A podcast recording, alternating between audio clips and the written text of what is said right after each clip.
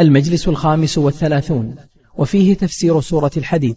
من الآية الثانية والعشرين إلى آخر السورة أعوذ بالله من الشيطان الرجيم ما أصاب من مصيبة في الأرض ولا في أنفسكم إلا في كتاب من قبل أن نبرأها إن ذلك على الله يسير لكي لا تأسوا على ما فاتكم ولا تفرحوا بما آتاكم والله لا يحب كل مختال فخور الذين يبخلون ويأمرون الناس بالبخل ومن يتول فإن الله هو الغني الحميد لقد أرسلنا رسلنا بالبينات وأنزلنا معهم الكتاب والميزان ليقوم الناس بالقسط وأنزلنا الحديد فيه بأس شديد ومنافع للناس وليعلم الله من ينصره ورسله بالغيب إن الله قوي عزيز ولقد أرسلنا نوحا وإبراهيم وجعلنا في ذريتهما النبوة والكتاب فمنهم مهتد وكثير منهم فاسقون ثم قفينا على آثارهم برسلنا وقفينا بعيسى بن مريم وآتيناه الإنجيل وجعلنا في قلوب الذين اتبعوه رأفة ورحمة ورهبانية ابتدعوها ما كتبناها عليهم إلا ابتغاء رضوان الله فما رعوها حق رعايتها فآتينا الذين آمنوا منهم أجرهم وكثير منهم فاسقون يا أيها الذين آمنوا اتقوا الله وآمنوا برسوله يؤتكم كفلين من رحمته ويجعل لكم نورا ويجعل لكم نورا تمشون به ويغفر لكم والله غفور رحيم لئلا يعلم أهل الكتاب ألا يقدرون على شيء من فضل الله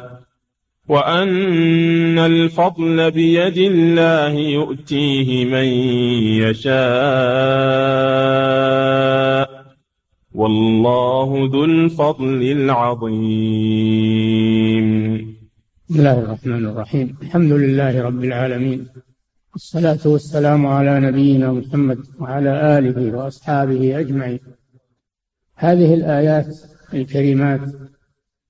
من آخر سورة الحديد قل الله جل وعلا فيها ما أصاب من مصيبة في الأرض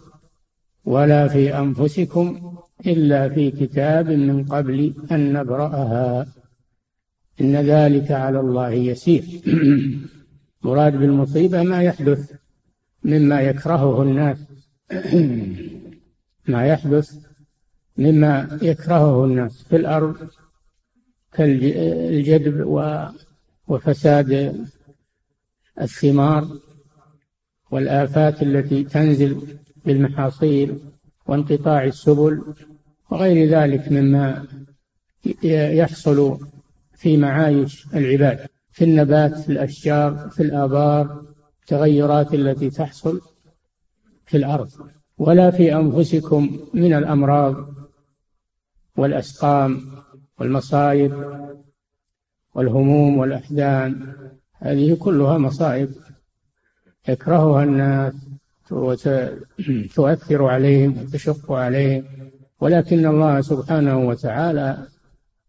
قدرها عليهم بحكمة منه سبحانه وتعالى قدرها عليهم لا لا تحصل عفوا أو مصادفة أو صدفة وإنما هي مقدرة ومكتوبة في اللوح المحفوظ إلا في كتاب يعني إلا وهي مكتوبة في كتاب وهذا الكتاب هو اللوح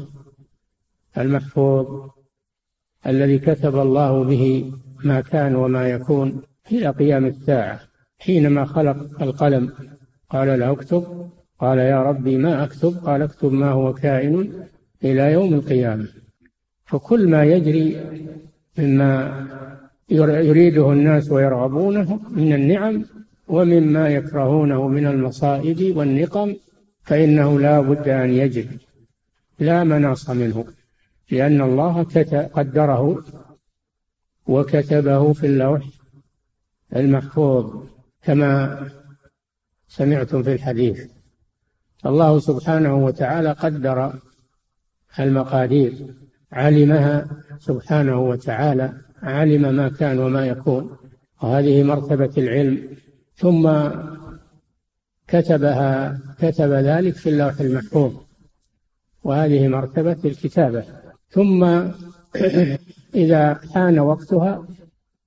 فإن الله يخلقها ويوجدها في وقتها كل شيء في وقته لا يسبق وقته أبدا المقدر فإذا جاء وقتها شاءها الله سبحانه وتعالى وأرادها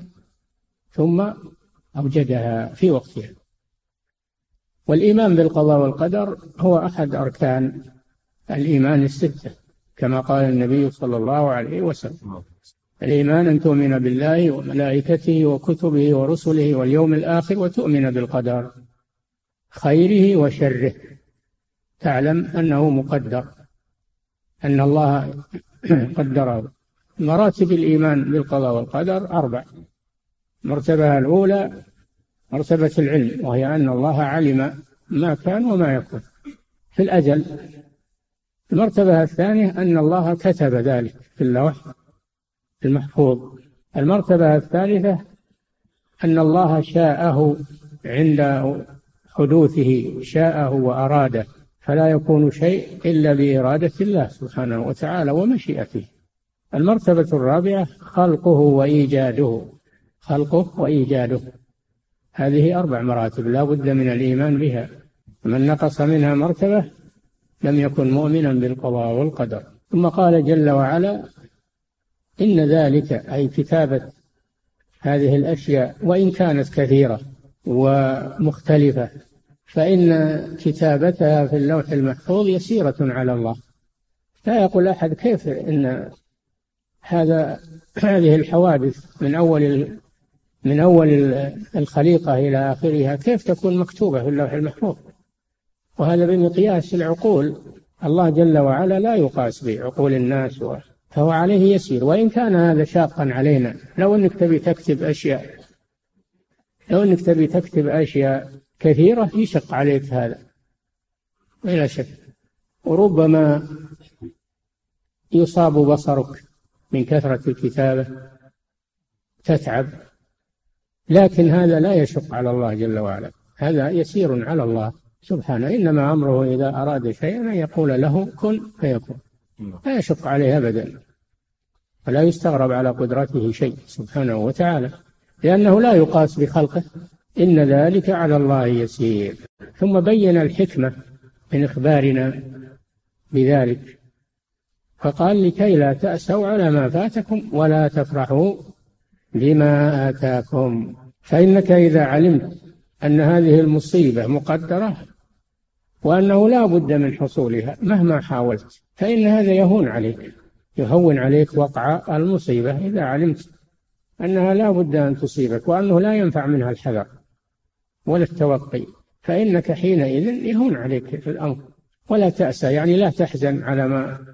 على ما أصابك بل تصبر وتحتسب فالصبر عند المصائب واجب والجزع منها محرم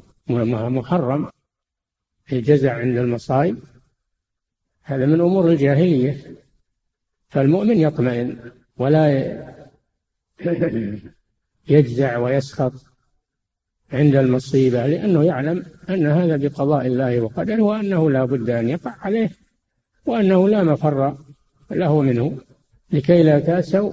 على ما فاتكم فإذا فات شيء من المال من الأولاد من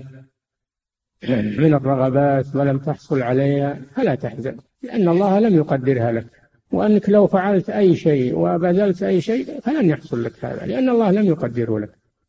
عند ذلك تطمئن ولا تفرحوا بما آتاكم فرح أسر وبطر وكبر لأنه زائل عما قليل عما قريب زائل عما قريب لكن تشكر عند النعمة وتصبر عند النقمة هذا هو الإيمان ولا تفرحوا بما آتاكم يعني فرح أشر وبطر كما قال آه، المؤمنون لقارون لا تفرح إن الله لا يحب الفرحين وابتغ فيما آتاك الله الدار الآخرة ولا تنس نصيبك من الدنيا وأحسن كما أحسن الله إليك ولا تبغ الفساد في الأرض إن الله لا يحب المفسدين فالمؤمن إن أصابته ضر صبر وكان ذلك خيرا له وإن أصابته سر شكر فكان ذلك خيرا له فهو على خير في الحالين بخلاف غير المؤمن فإنه إن أصابته ضر جزع وسخط وإن أصابته سر أشر وبطر وتكبر المؤمن على خلاف ذلك لا يأسى على ما فاته ولا يفرح بما آتاه الله عز وجل وإنما يشكر الله ويضع النعم في مواضعها ويستعين بها على طاعة الله سبحانه وتعالى لكي لا تأسوا كي هذه آه، من أدوات النصب والفعل منصوب بعدها بأن مضمرة كي أن لا هذه نافية تأسوا فعل مضارع منصوب بكي أو بأن مضمرة بعد كي وعلامة نصبه حذف النون الأصل تأسون تأسون بالنون والواو فاعل أو الجماعة فاعل وعلامة الرفع النون تأسون لما دخل عليه الناصب حذفت النون وكذلك لو دخل عليه جازم حذفت النون فهو يرفع فهو يرفع بثبوت النون الفعل المضارع يرفع الفعل المضارع المسند للجماعة يرفع بثبوت النون ويجزم وينصب بحذفها لكي لا تأسوا على ما فاتكم ولا تفرحوا بما آتاكم في الحديث أن النبي صلى الله عليه وسلم قال واعلم أن ما أصابك لم يكن ليخطئك وما أخطأك لم يكن ليصيبك فلا تتعب نفسك ما فاتك ما أصابك فإنه لا بد أنه سيصيبك مهما حاولت وما ما ما أصابك فإنه لا بد أن يصيبك واعلم أن ما أصابك لم يكن ليخطئك وما أخطأك لم يكن ليصيبك اللي ترغبه وتطلبه وتحرص عليه ربما أنه ما يحصل مع مع شدة الحرص فإنه إذا فاتك لن يصيبك أبدا وأن ما فاتك لم يكن ليصيبك تعلم هذا تعتقده فالإيمان بالقضاء والقدر فيه راحة للمؤمن بخلاف الكافر فإنه في قلق إن أصابته نعمة فإنه يتكبر ويفسق وإن أصابته نقمة فإنه يجزع ويسخط ولا حول ولا قوة إلا بالله لأنه لا يؤمن بالقضاء والقدر وقال صلى الله عليه وسلم احرص على ما ينفعك واستعن بالله ولا تعجزن فإن أصابك شيء فلا تقل لو أني فعلت كذا لكان كذا وكذا ولكن قل قدر الله وما أو قدر الله وما شاء فعل فإن لو تفتح عمل الشيطان هكذا المؤمن مع المصائب ومع النعم يفعل السبب ما يتكل على القدر يقول الإنسان الله مقدر علي هو يبي يحصل ولا يبذل الأسباب لا الأسباب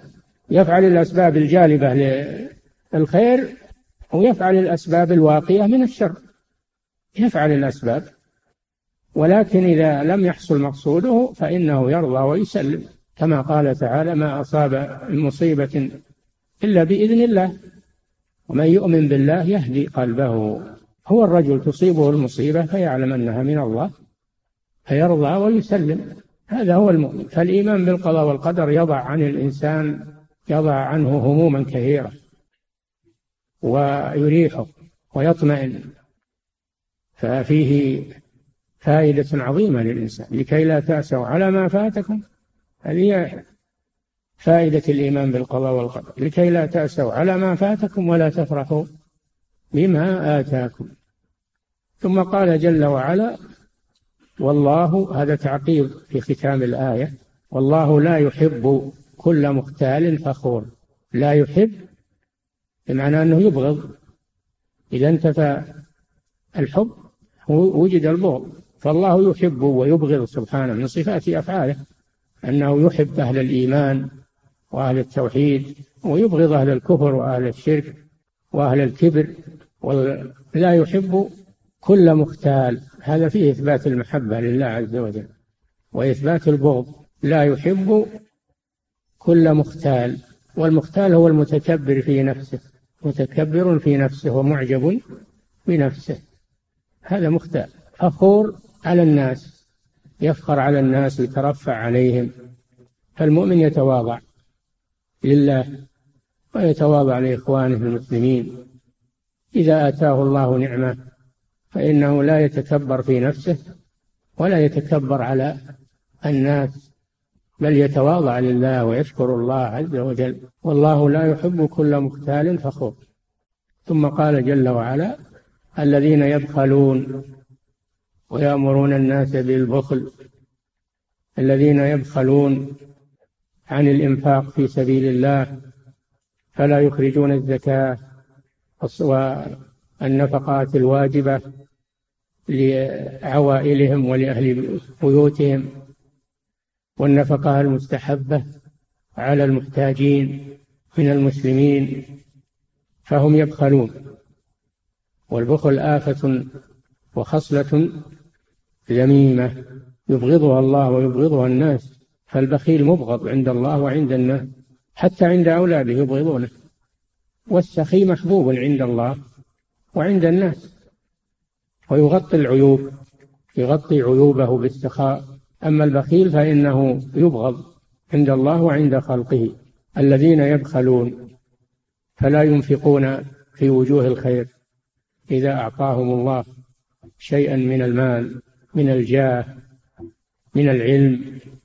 ينفقون مما أعطاهم الله على غيرهم ويحسنون إلى الناس كما أحسن الله إليهم وأحسن كما أحسن الله إليك ولا يكفي أنهم يبخلون في أنفسهم بل يأمرون الناس بالبخل ويخوفونهم من الإنفاق ويقولون أنتم سفهاء أنتم مبذرون أنتم مغفلون تصدقون على الناس وتصدقون على أهل بيوتكم ينفد اللي عندكم يخلص أنتم ما, ما تحسنون التصرف هم يأمرون الناس بالبخل ويحذرونهم من الجود والسخاء هؤلاء الله جل وعلا يبغضهم ويمقتهم الذين يبخلون ويأمرون الناس بالبخل هذا ذم لهم فالمسلم يكون كريما في نفسه ويحث على الكرم والإنفاق في سبيل الله هذا هو المؤمن أما المنافق فهو بالعكس يبخل في نفسه ويحث الناس على البخل هم الذين يقولون لا تنفقوا على من عند رسول الله حتى ينفضوا يعني يتفرقون أنتم ما جمعها الناس عند محمد إلا نفقاتكم رد الله عليهم فقال ولله خزائن السماوات والأرض ولكن المنافقين لا يفقهون فالرزق من الله سبحانه وتعالى لكن أنفق ينفق عليك ولهذا قال النبي صلى الله عليه وسلم لعائشة لا توعي فيوعي الله عليك إن الإنسان خلق هلوعا إذا مسه الشر جزوعا وإذا مسه الخير منوعا فالمؤمن ينفق مما آتاه الله لكن من غير إسراف ومن غير بخل توسل والذين إذا أنفقوا لم يسرفوا ولم يقتلوا التقتير هو البخل وكان بين ذلك قواما الذين يبخلون ويأمرون الناس بالبخل وقيل إن قول الذين يبخلون ويأمرون الناس بالبخل بدل من قوله والله لا يحب كل مختال فخور فسره بقوله الذين يبخلون قيل هذا ولكن الراجح أن قول الذين يبخلون مستأنف وليس له علاقة بما قبله الذين يبخلون ويأمرون الناس بالبخل ومن يتولى ومن يتولى بنفسه ويعرض عن طاعة الله وعن الإنفاق في سبيل الله فإن الله غني حميد الله ليس محتاجا إلى خلقه حينما يحثهم على الإنفاق وعلى الصدقة وعلى بذل الخير ويطلب منهم القرض أن تقرضوا الله قرضا حسنا ليس هو بحاجة إلى ذلك وإنما هم الذين يحتاجون إلى هذا لأن ما ينفقونه خير لهم ويعود عليهم بالنفع فهم المحتاجون إلى ما ينفقون والله أمرهم بذلك لمصلحتهم لا لنفع يعود عليه سبحانه وتعالى فإنه غني حميد سبحانه وتعالى حميد بمعنى محمود فعيل بمعنى مفعول فهو محمود على كل ما امر وكل ما فعل وكل ما قدر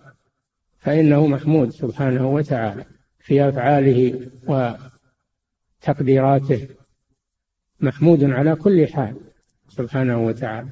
فان الله غني حميد ليس بحاجه اليكم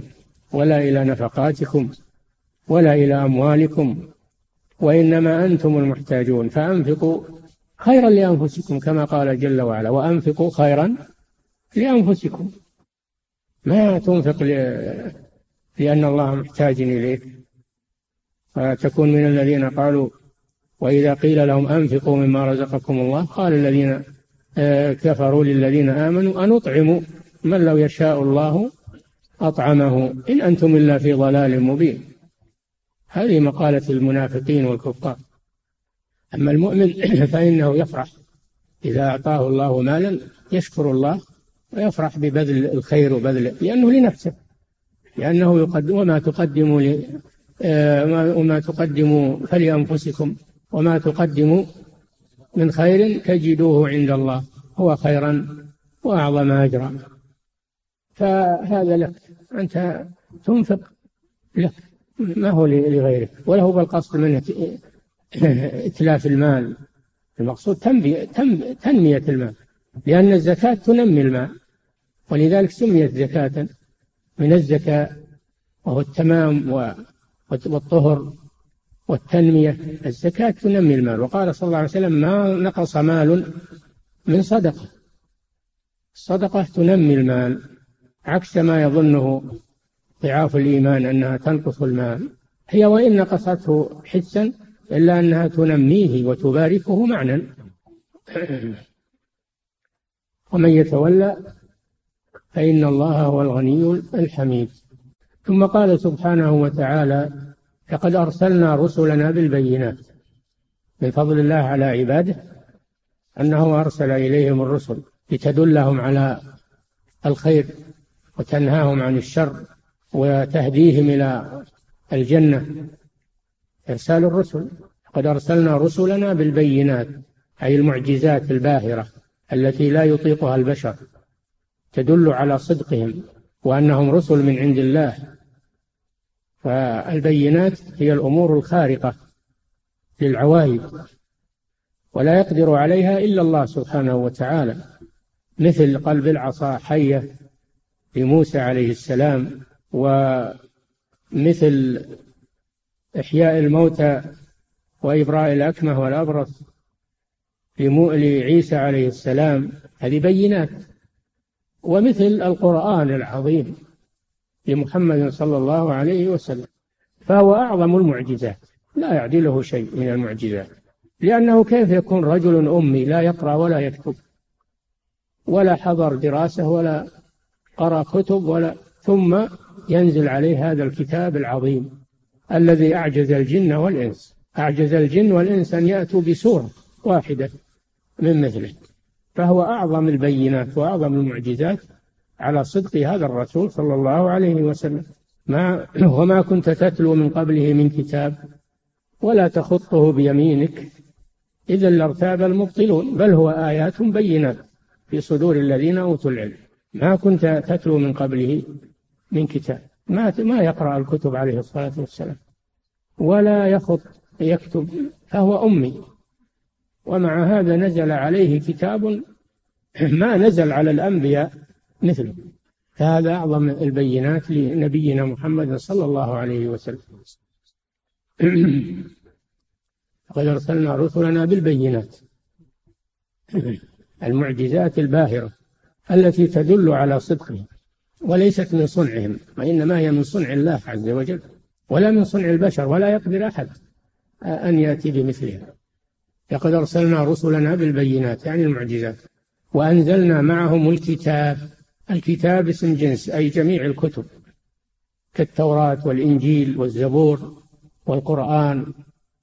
فالكتاب هذا اسم جنس لا يقصد كتابا معينا وإنما يقصد جميع الكتب التي جاء بها الأنبياء عليهم الصلاة والسلام لهداية الخلق والميزان وأيوة أنزلنا معهم الميزان وهو العدل الميزان هو العدل الذي لا ميل فيه ولا جور يعطي أصحاب الحقوق حقوقهم وينصف المظلومين من الظلمة فهو عدل جاءت الرسل بالعدل بين الناس وأنزلنا معهم الكتاب والميزان الميزان هو العدل بين الناس فالرسل جاءوا ليحكموا بين الناس بالعدل وتمت كلمة ربك أي كلامه سبحانه وتعالى صدقا وعدلا صدقا في أخباره وعدلا في أحكامه فالرسل جاءوا بالكتاب من عند الله وجاءوا بالعدل بين الناس لا يميلون مع أحد ولا يحيفون مع أحد بل يقيمون العدل بين الناس حتى مع الكفار لا يجورون على الكفار ويظلمونهم ولا يجرمنكم شنآن قوم على ألا تعدلوا اعدلوا هو أقرب للتقوى ولا يجرمنكم شنآن قوم أن صدوكم عن المسجد الحرام أن تعتدوا فالعدل واجب حتى مع الكفار فلا يجوز الظلم والجور حال من الأحوال قال النبي صلى الله عليه وسلم لمعاذ واتق دعوة المظلوم فإنه ليس بينها وبين الله حجاب المظلوم أيا كان لا تظلم الناس ليقوم الناس بالقسط أنزل الله الكتاب والميزان لأجل أي شيء ليقوم الناس بالقسط وهو العدل فيحكمون بالكتاب المنزل بالوحي يحكمون بين الناس بذلك ليقوم الناس بالقسط ثم قال وأنزلنا الحديد أي خلقنا الحديد فالإنزال له معاني الإنزال يكون من الله جل وعلا كإنزال القرآن ويكون الإنزال من شيء إلى شيء من الجبل مثلا إلى الأرض ومن الحديد منين جاء؟ هو جاء من السماء ها؟ الحديد نزل من السماء لا الحديد يؤخذ من ايش؟ يؤخذ من المعادن التي في الجبال وفي الأرض الإنزال هنا المراد به أن الله أوجد الحديد وخلقه لهم وأودعه في الأرض وأنزلنا الحديد فيه بأس شديد الحديد فيه بأس شديد سلاح بأنواعه الفتاكة الأسلحة اليدوية والأسلحة غير اليدوية والأسلحة الثقيلة كما هو معلوم الآن هذا من الحديد أنزلنا الحديد فيه بأس شديد ما مناسبة ذكر إنزال الحديد مع إنزال الكتاب مناسبة عظيمة أن الذي يمتنع من الكتاب ولا يقبله فإنه يجاهد بالسيف والسلاح بالحديد فالذي لا ينفع معه الكتاب يستعمل معه الحديد وهو الجهاد في سبيل الله وإقامة الحدود على من امتنع وعن قبول الحق هذا جزاؤه ولا يترك ويقال الناس أحرار كما يقوله المنافقون الآن والكفار الناس أحرار حرية الرأي الرأي والرأي الآخر لا تصادرون العار هذا كلام كفر والعياذ بالله الله يقول وأنزلنا الحديد الذي لا يقبل الكتاب الذي هو في صالح البشرية وهو العدل وهو الرحمة وهو الحكمة هذا ما له إلا الحديد وأنزلنا الحديد فيه بأس شديد سلاح متنوع لأجل حماية الشريعة من العابثين وحماية هذا الكتاب وهذا الميزان والعدل من العابثين به حكمة عظيمة ومنافع للناس يعني والحديد فيه منافع للناس كما تعلمون الآن المراكب البرية والجوية والبحرية والأواني والقدور والسكاكين ومنافع للناس في الحديد يتخذونها من من صناعات المكاين المكاين المختلفة متحركات للسير ولضخ المياه ولفوائد كثيرة من الحديد وهو ومنافع للناس لا تحصر ما ظهر وما لم يظهر وسيظهر في المستقبل الله أعلم به كل هذا في الحديد وأنزلنا الحديد فيه بأس شديد ومنافع للناس وليعلم الله من ينصره ورسله بالغيب يعلم الله من يجاهد في سبيله ويبلغ رسالته بالغيب والغيب ما غاب عن الناس فالمسلم لا يشاهد لا يرى الله سبحانه وتعالى لا يرى الملائكة لا يرى حتى الذين ماتوا الرسول مات عليه الصلاة والسلام أنت لا تشاهده ولكن تصدق به تصدق به وتؤمن به وتستدل عليه بما بما ورث صلى الله عليه وسلم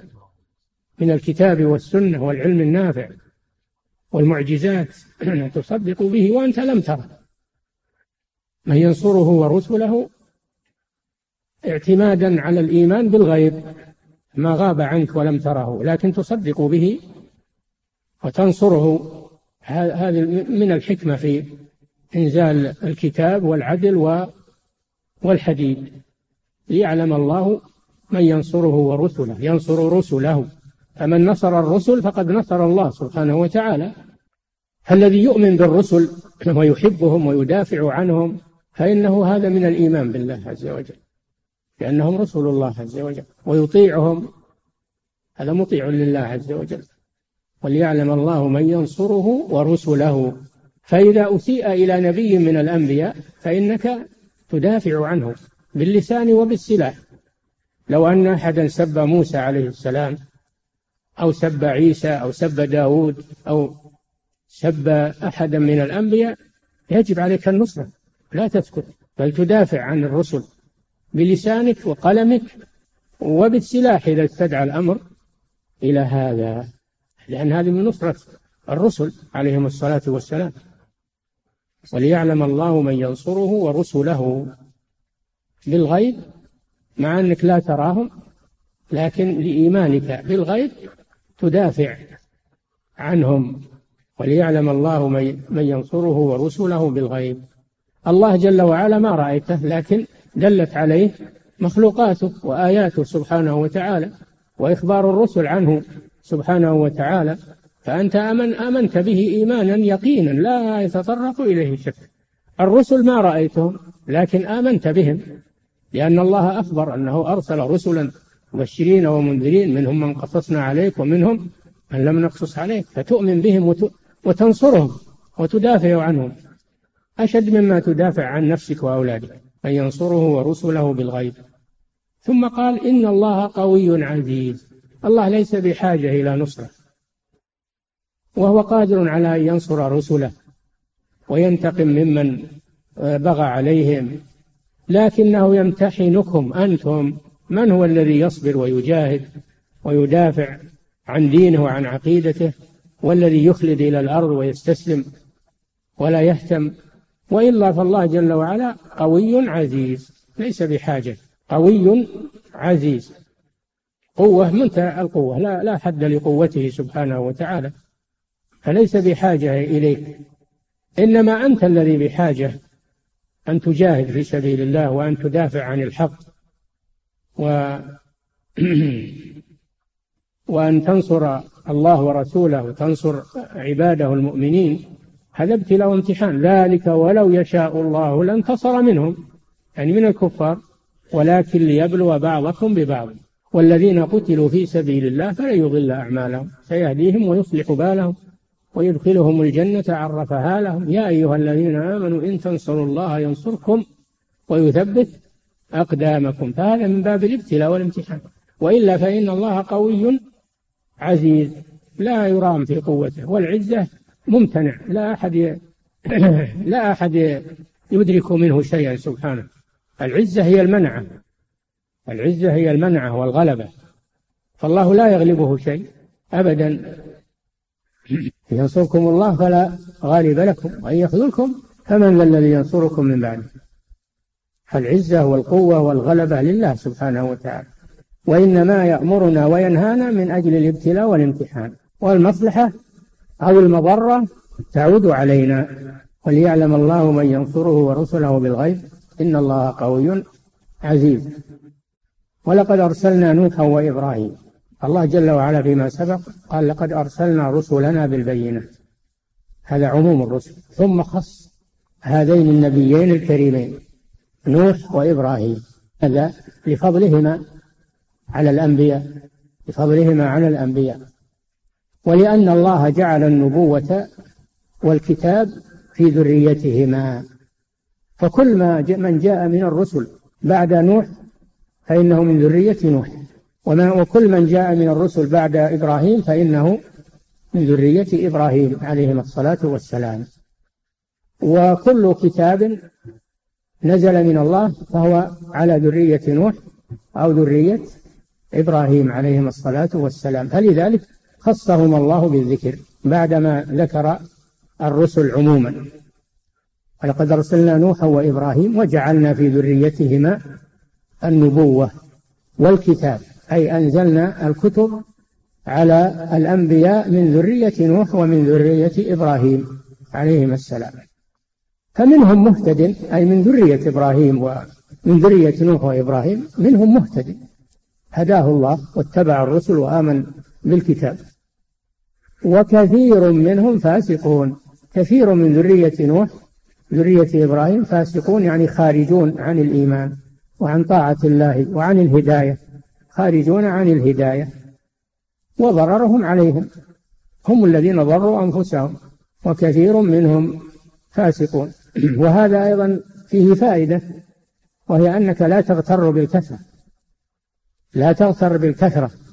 وما عليه الناس وإنما تتبع الحق ولو لم يكن عليه أحد أو عليه قليل من الناس فلا فلا تزهد بالحق لقلة أهله ولا تغتر بالباطل لكثرة أهله وكثير منهم فاسقون ثم قفينا على آثاره على آثارهم برسلنا على آثار نوح وإبراهيم عليه عليهما السلام بالرسل الذين جاءوا من بعدهم وقفينا بعيسى بن مريم لماذا ذكر عيسى بن مريم عليه السلام مع أنه داخل فيما سبق لأنه سيخاطب النصارى سيخاطب النصارى في بقية الآيات الذين أرسل الله إليهم عيسى عليه السلام ثم قفينا يعني أتبعنا هؤلاء الرسل بعيسى ابن مريم لماذا قال ابن مريم؟ لأنه ليس له أب وإنما وجد في النفخة التي أمر الله جبريل فنفخها في مريم فحملت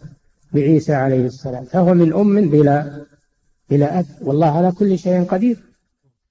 الله جل وعلا قادر أن يخلق من ذكر وأنثى وقادر أن يخلق من أنثى بلا ذكر وقادر أن يخلق بلا أنثى وبلا ذكر مثل آدم فآدم عليه السلام ليس له أب ولا أم أليس كذلك؟ خلقه الله سبحانه وتعالى عيسى خلقه الله من أم بلاد إن مثل عيسى عند الله كمثل آدم خلقه من تراب ثم قال له كن فيكون حواء من أب بلا أم لأن الله خلقها من آدم وليس لها أم الله قادر على كل شيء سبحانه وتعالى عيسى بن مريم قفينا على آثارهم بعيسى بن مريم وآتيناه الإنجيل الإنجيل كتاب نزل على عيسى ابن مريم ولا يزال اسمه موجودا وإن كان حرف وغير لكن اسمه موجود والنصارى يصدقون بأن هناك كتابا أنزل على عيسى اسمه الإنجيل لكن حرفوه وبدلوه وغيروا وآتيناه أي أنزلنا عليه الإنجيل وجعلنا في قلوب الذين اتبعوه هذه مناسبة ذكر عيسى لأنه ذكر الذين اتبعوه وهم النصارى وجعلنا في قلوب الذين اتبعوه رأفة ورحمة ورهبانية الرأفة هي المحبة قلوبهم محبة بخلاف اليهود فإن في قلوبهم الحقد على البشرية أما النصارى فعندهم رأفة عندهم رأفة ورحمة بالضعيف عندهم رقة ورحمة بالضعيف بخلاف اليهود فإنهم عندهم غلظة وشدة وحقد على البشرية ورهبانية عبادة تعبد عندهم تعبد لله عز وجل هذه هي الرهبانية الرهبانية دوام التعبد والاجتهاد في العبادة الله ما أمرهم بهذا لكن هم اجتهدوا فجاءوا بالرهبانية ولهذا قال ورهبانية ابتدعوها ابتدعوها ما كتبناها عليهم إلا ابتغاء رضوان الله إلا أنهم هم ابتدعوها يريدون بذلك رضوان الله سبحانه وتعالى هذا قصدهم هذا قصدهم من الرهبانية وإلا فالله لم يشرعها لهم ولا يحب منهم ذلك لا يحب منهم ذلك أن هذا بدعة ثم قال فما رعوها حق رعايتها هذا معلوم أن الذي يشدد على نفسه ويشق على نفسه أنه ما يستمر وأنه يمل فلو أنهم اعتدلوا في العبادة وتوسطوا ما حصل منهم ما حصل من الكفر والتفريط وهذه عادة المتشدد أنه لا يستمر على تشدد كالمنبت كما وصفه النبي صلى الله عليه وسلم قال كالمنبت لا أرضا قطع ولا ظهرا أبقى ولهذا قال ما كتبناها عليهم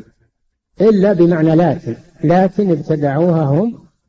ابتغاء رضوان الله وهذا فيه دليل على أن البدع لا تجوز وإن كانت نية صاحبها حسنة فلا تجوز البدع ولو كانت نية صاحبها الخير الواجب الاقتصار على شرع الله سبحانه وتعالى والاعتدال ما كتبناها عليهم إلا ابتغاء رضوان الله فما رعوها حق رعايتهم هذا ذم من وجهين الذم الأول أنه أنهم ابتدعوا والذم الثاني أنهم ما رعوها حق رعايتها هذا من أضرار البدعة أن المبتدع لا يستمر ما رعوها حق رعايتها الله لا يظلم أحدا قال فآتينا الذين آمنوا منهم أجرهم وكثير منهم فاسقون آتينا الذين آمنوا أي استمروا على طاعة الله واتباع عيسى عليه السلام آتاهم الله أجرهم وكثير منهم فاسق وكثير منهم فاسقون لم يرعوا اتباع عيسى وغيروا وبدلوا ثم قال سبحانه وتعالى موصيا موصيا النصارى في اتباع محمد صلى الله عليه وسلم فقال يا أيها الذين آمنوا يعني من النصارى يا أيها الذين آمنوا اتقوا الله وآمنوا برسوله من هو رسوله؟ محمد صلى الله عليه وسلم وآمنوا برسوله يؤتكم كفلين نصيبين من رحمته نصيب على اتباعكم لعيسى وإيمانكم به والنصيب الثاني على اتباعكم لمحمد صلى الله عليه وسلم ولكم أجران أولئك يؤتون أجرهم مرتين الذين آمنوا بمحمد من اليهود والنصارى الله يعطيهم أجرهم مرتين أجر على الإيمان السابق وأجر على إيمانهم بمحمد صلى الله عليه وسلم يؤتكم كفلين من رحمته ويجعل لكم نورا هذه فائدة اتباع محمد صلى الله عليه وسلم أن الله يعطي المؤمن نورا يسير عليه في حياته الدنيا وفي الآخرة سير على نور يوم القيامة ولهذا مر بكم أن المؤمنين يمشون بالنور يوم القيامة ويقول المنافقون انظرونا نقتبس من نوركم نورهم يسعى بين أيديهم وبأيمانهم هذا في الآخرة كما أن نورهم في الدنيا أيضا يهديهم ويدلهم على الخير ويجعل لكم نورا تمشون به في دنياكم وآخرتكم ويغفر لكم مزايا كثيرة يؤتكم كفلين من رحمته هذا واحد ويجعل لكم نورا تمشون به ويغفر لكم هذه الثالثة لو أنهم آمنوا بمحمد صلى الله عليه وسلم لحصلت لهم هذه الوعود من الله جل وعلا والله غفور رحيم زيادة الله غفور كثير المغفرة رحيم كثير الرحمة هذا إطماع لهم في مغفرة الله ورحمته إطماع لهم لو آمنوا بمحمد صلى الله عليه وسلم ثم قال لئلا يعلم أهل الكتاب ألا يقدرون على شيء من فضل الله أن الله سبحانه وتعالى أعطى هذه الأمة من الفضل ما لم يعطه لغيرها مع أنها آخر الأمم وهي أفضل الأمم كنتم خير أمة أخرجت للناس فهم خير الأمم وأكثر الأمم وأكثر أهل الجنة من هذه الأمة الله جعل هذا ليعلم أهل الكتاب أن الفضل بيد الله أهل الكتاب يحسدون هذه الأمة يحسدون هذه الأمة ولكن لا يقدرون على منع فضل الله عليهم يعلم لئلا لا صلة والأصل ليعلم وجاءت لا صلة للتأكيد لئلا يعلم أهل الكتاب اليهود والنصارى إذا رأوا فضل أمة محمد صلى الله عليه وسلم وشرفهم وما أعطاهم الله من الخيرات ألا يقدرون على شيء من فضل الله ألا يقدرون ما هي بأن ناصبة كان الظاهر يقال أن لا يقدر نقول لا أن ما هي بناصبة هنا أن مخففة من الثقيلة والتقدير أنهم لا يقدرون أنهم لا يقدرون على شيء على شيء من فضل الله لا يقدرون أن يمنعوا فضل الله النازل على عباده فالله أعطى هذه الأمة من الخيرات ما لم يعطه لأمم قبلها ولا يقدر أحد أن يمنع هذا لأن هذا فضل الله يؤتيه من يشاء أن تخجر على الله أن تمنع الله جل وعلا أن يعطي من فضله سبحانه وتعالى هذا من جهل اليهود والنصارى افتقارهم لهذه الأمة وازدراؤهم لها من أجل الحسد ولكن لا يقدرون ولله الحمد على منع فضل الله النازل على هذه الأمة وأن الفضل بيد الله ما هو بأيديكم تعطون من تشاء وتحرمون من تشاء من تشاء الفضل بيد الله في ملكه و وقدرته سبحانه وتعالى ومنه وكرمه لا أحد يحجر على الله هذا ملكه وهذا فضله وهذا خيره ما أحد يمنع الله جل وعلا يؤتيه من يشاء وأعطى الله هذه الأمة وشاءه لها لا حجر عليه سبحانه ولا اعتراض عليه ولا أعطى هذه الأمة هذه الفضائل إلا لحكمة لعلمه أن هذه الأمة تستحق هذا الشيء وهذا الفضل وهي وريثة الرسل والكتب السابقة هذه الأمة هي الوريثة ثم أورثنا الكتاب ما هو الكتاب؟ القرآن ثم أورثنا الكتاب الذين اصطفينا هذه الأمة اصطفاها الله اختارها من عبادنا فهي وريثة وريثة فضل الله سبحانه وتعالى وأن الفضل بيد الله يؤتيه من يشاء والله ذو الفضل العظيم لا حصر لفضل الله سبحانه وتعالى ولا حكر لفضل الله ففضل الله كثير ولا يغيظ ما عنده سبحانه وتعالى وبهذا انتهى تفسير هذه السورة المباركة والحمد لله رب العالمين صلى الله وسلم على نبينا محمد وعلى آله وأصحابه أجمعين أحسن الله إليكم سماحة الوالد يقول السائل من فعل معصية ثم تاب منها ولكنه كلما تذكر المعصية يندم عليها ومن حيائه أنه يتمنى أن لم يفعلها ويكره نفسه عند ذكرها فهل هذا يناقض الإيمان بالقضاء والقدر؟ لا هذا من شروط التوبة أنه يندم عليها هذا علامة صدقه هذا علامة صدقه في التوبة هذا شيء طيب كونه يندم ويلوم نفسه هذا علامة الخير وعلامة صدق التوبة وهذا من شروط التوبة الندم على ما فات نعم أحسن الله إليكم سماحة الوالد يقول السائل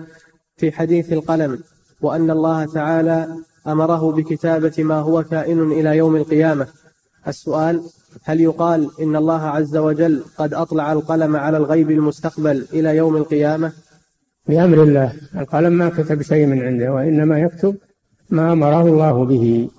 نعم أحسن الله إليكم سماحة الوالد يقول السائل الحديث القدسي هل يقال فيه مثل ما يقال في القرآن بأنه غير مخلوق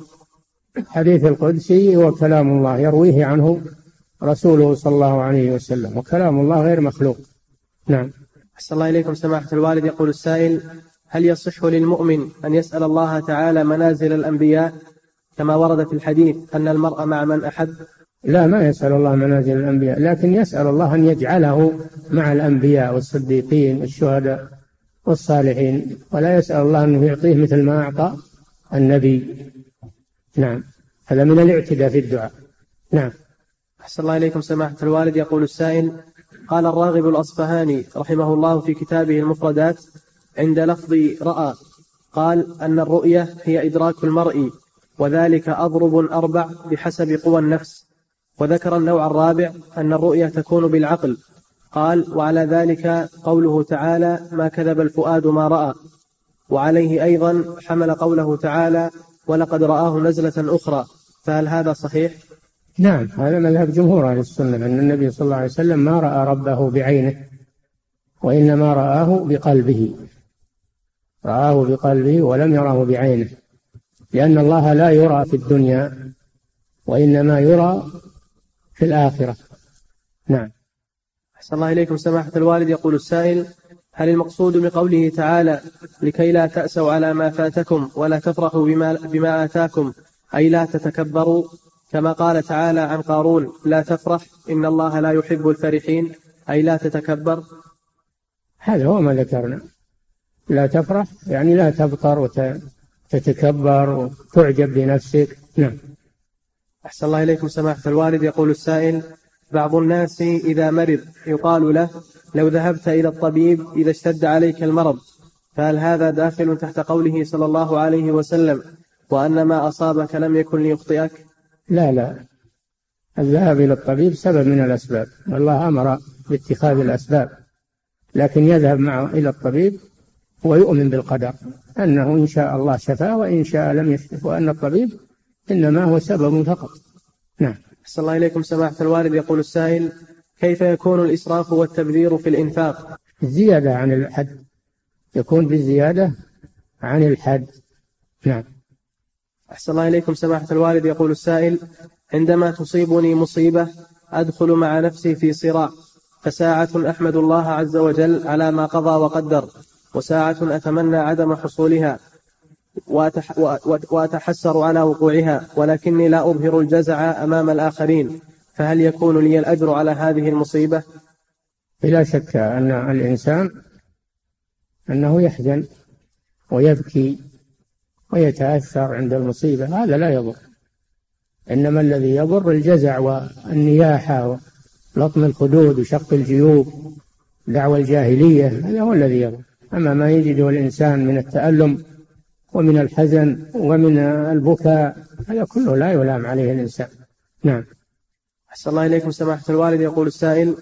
الله عز وجل قد أنزل الكتاب ليحكم به فما الحكم في من يضع دستورا يخالف شرع الله تعالى هذا حكمه أنه كافر إذا وضع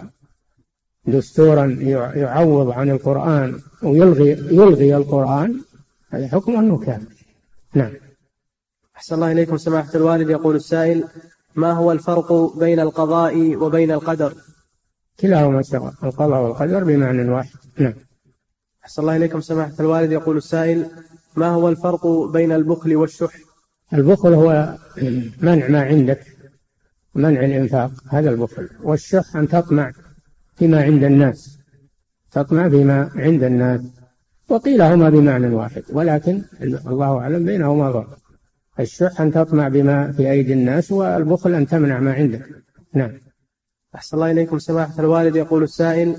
ما حصل من بعض الصحف الأجنبية بإعادة نشر الصور المسيئة للنبي صلى الله عليه وسلم فنرجو منكم توجيه كلمة للمسلمين عموما ولطلبة العلم خصوصا فيما يجب عليهم تجاه ذلك وما هو العمل الذي تبرأ به ذممهم ما نعم، سمعتم ليعلم الله من ينصر وليعلم الله من ينصره ورسله والنصر يكون باللسان يكون بالكتابة والاستنكار وإذا جاهد المسلمون الكفار عند ذلك بقيادة إمامهم فهذا أيضا من من النصرة للرسول صلى الله عليه وسلم نعم أحسن الله إليكم سماحة الوالد يقول السائل إطلاق لفظ غير المسلم على الكافر وأن هذا أحسن لا سيما مع ضعف المسلمين وأن هذا من الخطاب الحضاري فهل هذا صحيح؟ هذا باطل الله سمى الكفار كفارا وسمى المنافقين وسمى الفاسقين فلا نغير الأسماء لا نغير الأسماء الشرعية من أجل إرضاء الكفار ونقول هذا حضاري وهذا آه، تغيير الخطاب الديني هذا كله من تغيير الكتاب والسنة هذا لا يجوز نعم أحسن الله إليكم سماحة الوالد يقول السائل انتشر في الآونة الأخيرة أن بعض علماء الإعجاز العلمي اكتشف أن في الحديد معدن لا يوجد في الأرض ويقول ذلك مصداق للآية الكريمة وأن الحديد أنزل من السماء فهل هذا صحيح؟ هذا كلام جاهل ما هو كلام ما هو كلام عالم هذا كلام جاهل الحديد خلق في الأرض قدر فيها أقواتها من الحديد وغيره فلم ينزل من السماء حديد نعم صلى الله إليكم سماحة والإنزال يختلف باختلاف موارده نعم صلى الله إليكم سماحة الوالد يقول السائل نقرأ في بعض المؤلفات أن في آخر الزمان والتي يكون فيه القتال بين المسلمين وأعدائهم يكون بالسيف وأن الأسلحة الثقيلة تنتهي فهل هذا صحيح؟ وهل يمكن اعتبار آلة إنزال الحديد دليل على أن الذي أنزل الحديد وأوجده قادر على أن يرفعه فيخفيه؟ لا ما يرفعه ما يجاهدون اليهود في آخر الزمان إلا بالحديد لكن الحديد يختلف يكون أسلحة ثقيلة ويكون أسلحة خفيفة وربما يكون في بعض القتال السلاح الخفيف أيسر وأقرب من السلاح الثقيل وأفتك بالعدو نعم فلا يختلف باختلاف الأحوال واختلاف نعم أحسن الله إليكم سماحة الوالد يقول السائل يقول بعض علماء العلوم والآفاق إن الحديد صنع بدرجة بدرجة حرارة عالية لا توجد في الأرض ووجدت في, في النجوم وأن الحديد قد جاء إلى الأرض كل هذه كل هذه خرافات وأكاذيب لا يعتمد عليها تخرصات نعم أحسن الله إليكم سماحة الوالد يقول السائل إذا نزلت ببعض الناس مصيبة يقول بعض الناس فلان مسكين ما يستاهل فما حكم هذه المقولة هذا لا يجوز الكلام هذا ما يستاهل ما يستحق هذا هذا اعتراض على الله سبحانه وتعالى هذا اعتراض على قدر الله وقضاء الله أعلم منك وأعلم بما يناسب وأن تقول فلان طيب وفلان ولا يستحق أنه يصاب الله أعلم منك وأحكم ربما أن مصيبته أحسن له وآجر له الله يعلم ما يصلح عباده نعم أحسن الله إليكم سماحة الوالد يقول السائل في قوله تعالى إنا أوحينا إليك كما أوحينا إلى نوح والنبيين من بعده ومعلوم أن آدم عليه السلام قبل نوح عليه السلام فما هو الأول منهما الرسل نوح هو أول الرسل أما الأنبياء فمن آدم عليه السلام فرق بين الأنبياء والرسل نعم أحسن الله إليكم سماحة الوالد يقول السائل إن من بني جلدتنا ومن يتكلم بألسنتنا من يرى التقارب بين الأديان فهل يكون هذا كافر بعينه وما هو الواجب تجاه أمثاله إذا كان جاهلا فلا بد أن يتعلم أما إذا كان متعمدا ويعلم أن أن دين النصارى التثليث ودين اليهود الكفر والإلحاد فلا يجوز له أن يعدله بالإسلام ثم لو فرضنا أن دين اليهود ودين النصارى باقي على ما هو عليه ولم يغير ولم يبدل فقد نسخ بالقرآن نسخ بشريعة محمد صلى الله عليه وسلم فلم يبق دين إلا دين الإسلام الذي جاء به محمد صلى الله عليه وسلم نعم أحسن الله إليكم سماحة الوالد يقول السائل هل يعطى أهل الكتاب في هذا الزمن وما بعده الكفلين من الأجر إذا آمنوا بالرسول صلى الله عليه وسلم هذا عام نعم يعطون إياه في أي وقت آمنوا بمحمد صلى الله عليه وسلم نعم أحسن الله إليكم سماحة الوالد يقول السائل هل للمرأة البقاء مع زوج يضربها ويشتمها وتقول هذا الذي قدره الله علي فسوف أصبر طيب إذا صبرت عليه هذا طيب نعم أحسن الله إليكم سماحة الوالد يقول السائل سمعت أحد طلاب العلم يقول إنه لم يرد بدليل واضح قرن الصحابة رضي الله عنهم يقول إنه لم يرد بدليل واضح قرن الصحابة رضي الله ايش؟ قرن من الاقتران أحسن الله قرن ما أدري وش يقول قرن أحسن الله إليكم ايش؟ من باب العطف والاقتران ادري ايش يقول أنه أرض أرض ولا قرن ولا قرن أحسن بالنون قرن وش فيه؟ يقول إنه لم يرد بدليل واضح قرن الصحابة رضي الله عنهم مع النبي صلى الله عليه وسلم في حال الصلاة عليه بل الوارد الصلاة عليه وعلى آله فقط النبي صلى الله عليه وسلم صلى على آل أبي أوفى آه، صلى على آل أبي أوفى والله أمرنا أن نصلي على إبراهيم وعلى آل إبراهيم وأن نصلي على محمد وعلى آل محمد والآل هم الأتباع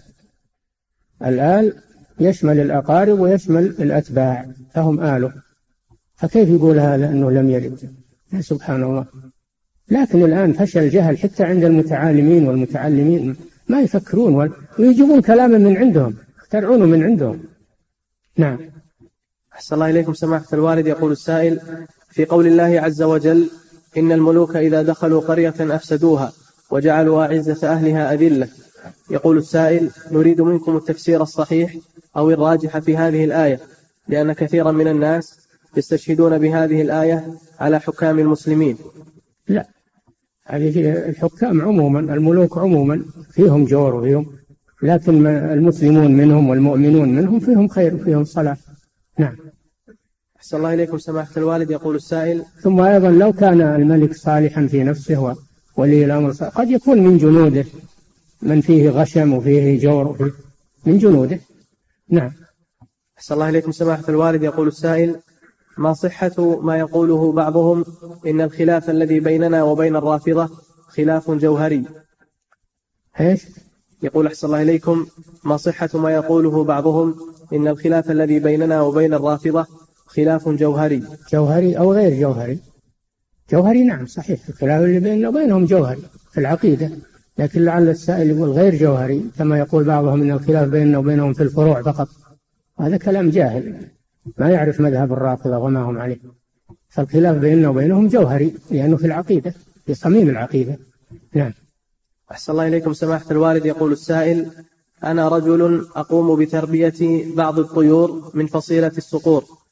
فهل يقول أحسن الله إليكم أنا رجل أقوم بتربية الطيور من فصيلة الصقور فهل فضلاتها نجسة إذا وقعت على الملابس الذي يؤكل الطيور التي يؤكل لحمها هذه طاهرة هذه طاهرة أما الطيور التي لا يؤكل لحمها فهذه نجسة فضلاتها لأن هي نجسة بنفسها ففضلاتها نجسة وبعض العلماء يقول ما كان مثل الهرة في الخلقة أو دونها فإنه طاهر بدليل قوله صلى الله عليه وسلم في الهرة أنها ليست بنجس إنها من الطوافين عليكم بعضهم يقول ما كان خلقته مثل خلقة الهرة أو أقل فإنه طاهر قياسا نعم انت أحسن والله